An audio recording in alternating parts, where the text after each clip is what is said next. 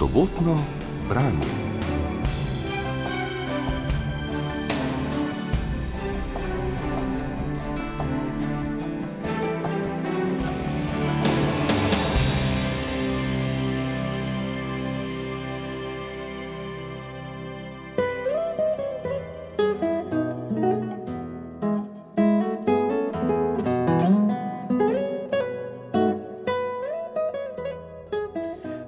Splošnem konsenzu je Miguel de Cervantes največji španski oziroma v španščini pišoči književnik vseh časov. In vendar se zdi, da ga velika večina bralk in bralcev po svetu pozna samo po Don Quixotu, znamenitem romanu o kastilskem plemiču, ki je toliko časa in tako uneto bral viteške romane, da je na zadnje začel verjeti, da je tudi sam vitez, ki je poklican rešiti svet.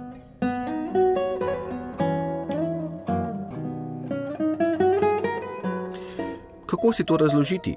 Kako je mogoče, da se umetnik, ki ga Španci postavljajo tja, kamor Angliji postavljajo Šekspira, v globalno kulturno zavest ni zapisal z večjim številom svojih del? Mar je Cervantes resnično človek ene same knjige? Ali nas je pač navdušenje nad Don Quixotom oslepilo za pisateljeve druge dosežke oziroma presežke? Veronika Rod, ki je za založbo Beletrina pripravila nov prevod Cervantesovih zglednih novel, je razmišljala takole. O Cervantesu gotovo veliko ne vemo, veliko pa tudi vemo. Že to, da je ta duhoviti roman o plemiču iz Manče, Don Quixotu, je izredno pomembno delo. In to ne samo za špansko govoreči svet, ampak za celotno svetovno književnost, saj ga opredeljujemo kot prvi sodobni roman. Je tudi roman, kot je predvidel že sam Cervantes, ki je preveden v največ jezikov. In tukaj je mogoče tudi ta odgovor, zakaj poznamo samo Don Quixota, je pač roman, ki je bil najbolj prevajan in so se prevajalci osredotočili na to in na to klasifikacijo kot prvi sodobni roman. Je pa Cervantes eh, mogoče ni napisal tako zelo veliko del, se je začel pisati šele v poznem obdobju, v zrelem obdobju svojega življenja. Lahko bi rekli, da je v 16. stoletju nabiral življenjske izkušnje, ki jih je potem v 17. stoletju v besedi besedil v svojih delih. Čeprav prvo svoje delo, pastoralni roman Galateja, je napisal že leta 1585. Potem si je vzel 20 let predaha za življenje oziroma za iskanje možnosti za preživetje. Bil je vojak, ujetnik v Alžiriji, potem se je po mukah in težavah in velikih peripetijah vrnil v Španijo, kjer je poskušal dobiti različne zaposlitve, nič mu ni ravno uspevalo, poskušal je priti tudi v Ameriko, ampak verjetno zaradi dvomov o čistosti njegovega porekla tja ni mogel, preživel je tudi nekaj časa v zaporu. In morda je ravno v zaporu se odločil, da bo postal in poskusil biti pisatelj. Tam naj bi tudi domislil to svoje veliko delo Don Quixota, eh, pa tudi nekaj drugih novel. Eh, in Svoje življenjske izkušnje pa seveda ni ubesedil samo v Don Quixotu, ampak tudi v nekaterih gledaliških delih, naprimer Alžirske ječe, Velika sultanka, Španski galantnež, ki jih uprizarjajo še danes. V tem umestnem obdobju med prvim delom Don Quixota, ki je šel leta 1605 in drugim delom, ki je šel leta 1615, pa so nastajale tudi zgledne novele novele, ki jih eh, smo jih dobili zdaj tudi v kompletno v slovenskem prevodu, že drugič. Eh, nekatere so mogoče nastajale že konec 16. Eh, stoletja, ampak večina pa v tem obdobju ob nastanku prvega dela Don Quixota in do nastanka drugega dela Don Quixota. Don Quixote je torej tako velik, pomemben in prevajan, da je včasih težko zares ogledati še druga Cervantesova dela a med temi drugimi so najbrž najboljše, umetniško najbolj prepričljive, prav zgledne novele, ki so, kot smo slišali, nastajale usporedno ob Don Quixotu. Takoj pa, ko se odločimo, da bomo posegli po Cervantesovi kratki prozi, se soočimo z nekoliko begajočim vprašanjem: zakaj neki naj bi bile te novele zgledne? Mar zato, ker se je Cervantes med njihovim pisanjem zgledoval pri Giovanniu Boccacciu, ki je z Decameronom že v 14. stoletju izumil zvrst novele? Ali pa je čisto drugače in so špančeve novele zgledne zato, ker so skladne s tedaj prevladujočo katoliško moralo? Veronika Rot je Cervantesov nekoliko nenavadni naslov pojasnila takole. V tistem času so bile novele zagotovo zelo priljubljena pripovedna zvrst in Cervantes je gotovo poznal eh, Bokačovega Dekamerona, čeprav je bil v Španiji eh, na črnem seznamu inkvizicije in nekako prepovedano delo in v Španiji so bolj prevajali druge italijanske avtorje, ki jih niso smatrali za tako nemoralne. E, torej, Odgovor na to, zakaj je Cervantes svoje novele naslovil zgledne, je večplasten. Po eni strani je to gotovo cenzura. V Španiji je vladala toga stroga, predvsem pa zelo svetohlinska katoliška morala in Cervantes se je prav gotovo želel izogniti sporu z inkvizicijo. Zato je po mojem poudarjal to zglednost, poučnost, kajti pod tem pridevnikom je lahko predstaviti tudi nemoralna dejanja, neko sprijenost, pokvarjenost katoliške morale in takratne družbe, ki se je tako zelo trudila, da bi vsaj na vides ustvarjala nek zgled moralnosti. In na ta način je cenzuro izigral in uh, da je v bistvu pač razgalil to nečednost in sprijenost, pokvarjenost družbe. Je pa Cervantes v pesvotilu, naprimer, pravi, zgodbe sem naslovil zgledne, kajti med njimi ni nobene, s katere ne bi mogel potegniti kakega dobrega zgleda ali moralnega nauka. Pravi tudi, res pa je, da človek ni vedno v svetišču in se ne posveča nenehno zgolj molitvi, prav tako se ne ukvarja vse čas s svojimi posli. Obstaja tudi čas za sprostitev, ko se želi duh odpočiti od svojih naporov. To pomeni, da se je Cervantes zelo dobro zavedal, da ustvarja nekaj več kot zgolj moralne, zgledne nauke, ki naj bi bili ljudem v poduku, zgled, po katerem naj bi se ravnali. Cervantes se je zavedal, da ustvarja neko umetniško presežno vrednost. Ampak to je bilo za tisti čas pa tudi sporno, eh, neko zgolj poigravanje in užitek v, v duhu. In ni bilo mogoče tako zelo pogodu cenzuri. Zato je vse nekako zavijal, veliko je te navidezne moralnosti zavite v zelo umetelno oblikovane zgodbe. Cervantes se torej skriva za na vse glas razglaševano zglednostjo svojih novel, zato da bi, po eni strani, lažje šibal svoje sodobnike oziroma kritiziral družbo, sredi katere živi, pa tudi zato, da bi, po drugi plati, svoje bravke in bravce lažje kratkočasil in razvajal z lepoto umetniške besede. Ambicij pisatelju skratka ne manjka, a tu se najbrž lahko vprašamo, kako gre sta ta, na vides povsem različna cilja, sploh skupaj. Kako biti pronicljiv in stroko opazovalec družbene stvarnosti, pa obenem ostati lahkotno duhovit? Odličen zgled ponuja sklepna novela, v kateri dva stara psa čuvaja, Bergansa in Scipion, ki nenadejano prejmeta dar govora, razpravljata o svojih življenjskih izkušnjah. Prvi, Bergansa, pripoveduje o različnih gospodarjih, ki jim je bil služil. To pa Cervantesu seveda omogoči, da pove marsikatero krepko in pikro na račun lastnih sodobnikov. No, po drugi plati pa drugi govoreči pes, Scipion, v maniri kakšnega nadvse pedantnega literarnega kritika ali filozofa, nenehno komentira, popravlja in preuprašuje, kar Bergansa pripoveduje.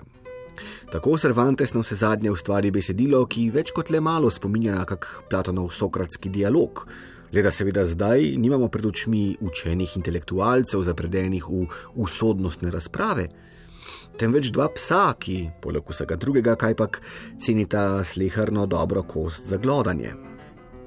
Tako je nastalo besedilo, ki je učinkovalo in menda še vedno učinkuje na vse duhovito in lahkotno, obenem pa nam da obilo misliti. Tule je kratek odlomek iz pogovora obeh štirinožcev.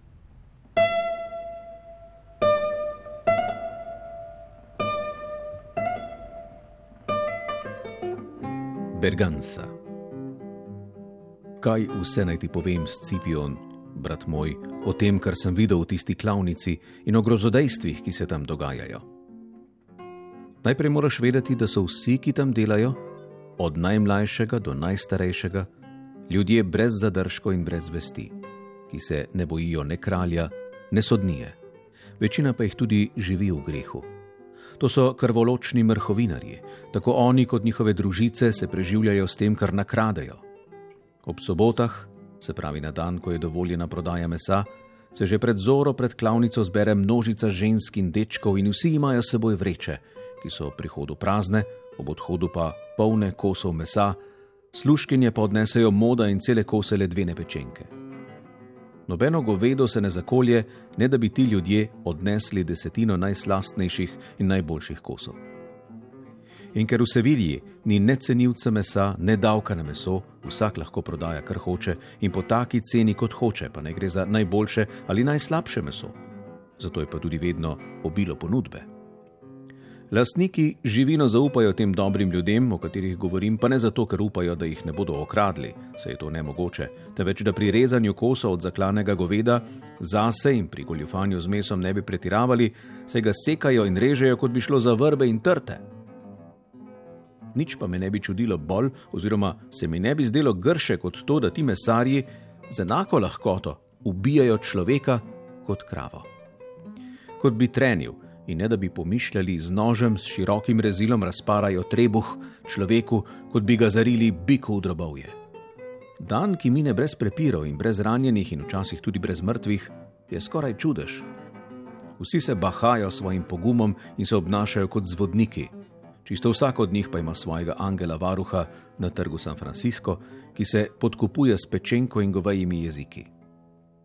Za piko na i Naj povem, da sem nekega pametnega moža slišal reči, da si mora kralj v Sevilji nekaj stvari še podrediti in sicer ulico Kasa, trg Kostanilja in klavnico. Scipion. Če boš toliko časa porabil za opis vseh gospodarjev, ki si jih imel, in slabih strani njihovih poklicev, kot si ga zdaj le, prijatelj Bergansa, bi morala Boga prositi naj nama nakloni dar govora vsaj za leto dni pa se še kar bojim, da glede na to, kako vlečeš pripoved, ne bi prišel niti do polovice. Rad bi te opozoril na nekaj, kar boš spoznal, da je resnično, ko ti bom pripovedoval o prigodah svojega življenja. In to je, da nekatere zgodbe nosijo čar v samih sebi, druge pa v tem, kako so pripovedovane. Reči hočem, da nekatere vzbujajo zadovoljstvo, čeprav so povedane brez okolišanja in olepševanja v besedah, druge pa je treba znati zaviti v prave besede, pri tem pa si pomagati še z obrazno mimiko in z rokami, to pa je treba pospremiti še s spreminjanjem glasu, da tudi plehke, omledne stvari postanejo žive in zanimive. Nikar ne pozabi na ta nasvet in upoštevaj ga pri predstavljanju tega, kar bi mi še rad povedal.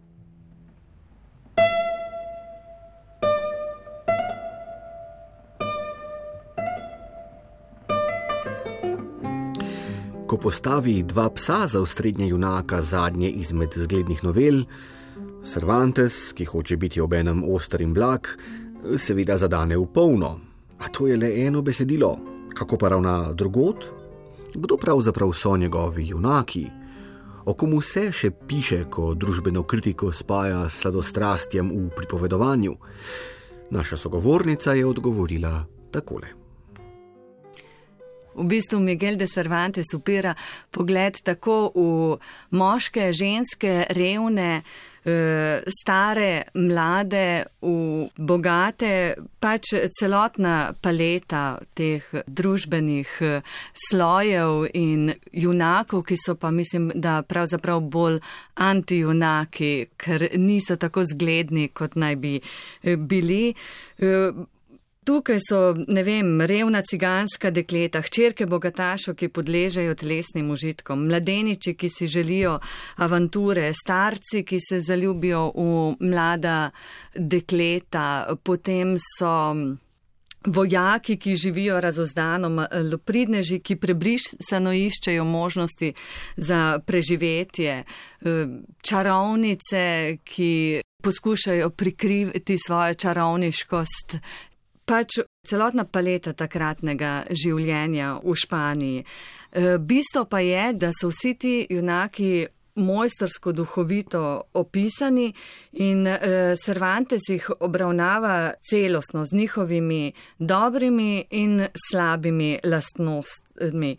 In mogoče so prav zato te zgodbe dosegle tak uspeh takrat v Španiji, ker so bile na nek način zelo doživeto ali zelo pristno popisane, čeprav tudi izumetničeno. Ne, ni, ta priznost je mogoče mal prenape, prenapete, so e, preveč se jim nekaterim dogaja, ampak so že, naprimer, leta 1615 je bil prvi prevod tudi v francoščino, nekaj zgodb so prevedli tudi že v angleščino.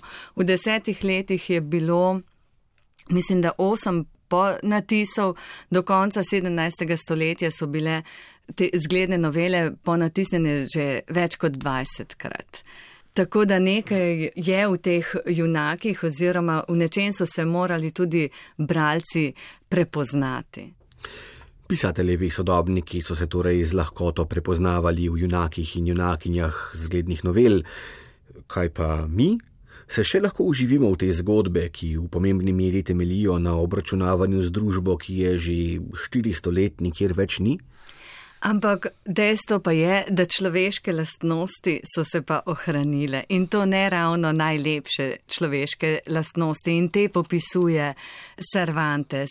To je ta lakomnost, pohlep, poželenje, želja po večjem zaslužku, to prevarantstvo, ki je v človeku, zato da bi si izboril boljši status v družbi. Vse te stvari so pa še vedno prisotne tudi v današnji družbi in zato mislim, da se v teh zgodbah mogoče ne prepoznavamo eh, pač neke družbene realnosti, ne vozimo se več v konjskih upregah, eh, zakoni niso več eh, sklenjeni, dogovorjeno, ampak še vedno se pa prepoznavamo v teh strasteh, ki so ponavadi precej nizke strasti.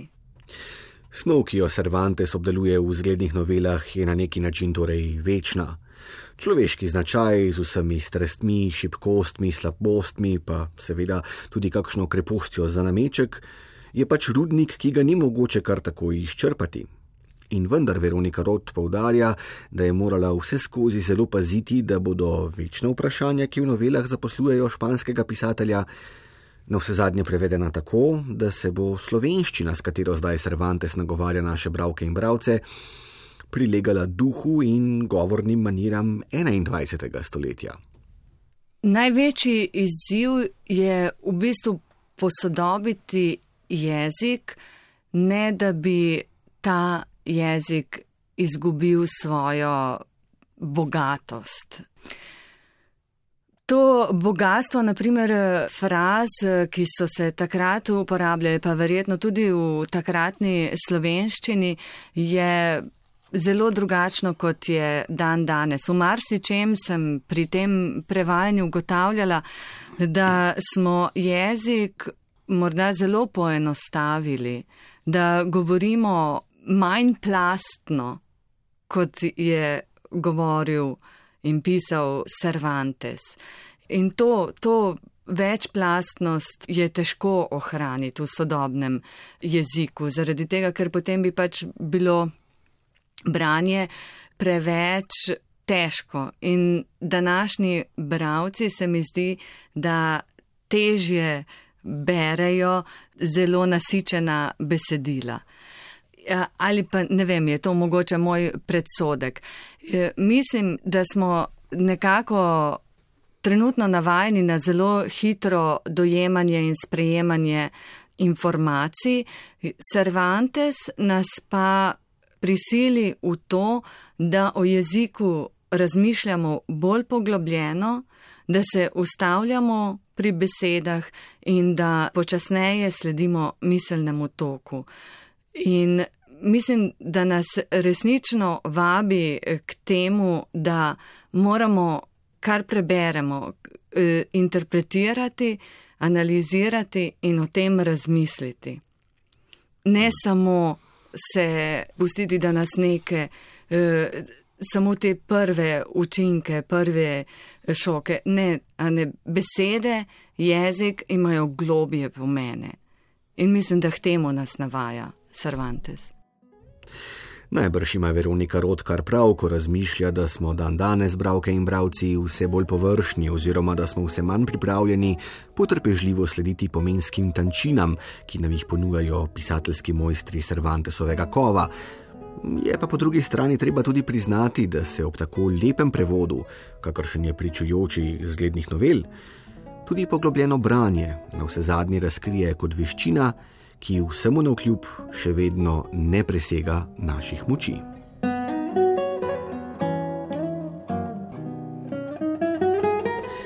To je bilo sobotno branje, govorili smo o zglednih novelah, kratkoprozni zbirki Miguela de Cervantesa, ki je izšla pri založbi Beletrina v knjižni ediciji Klasična Beletrina.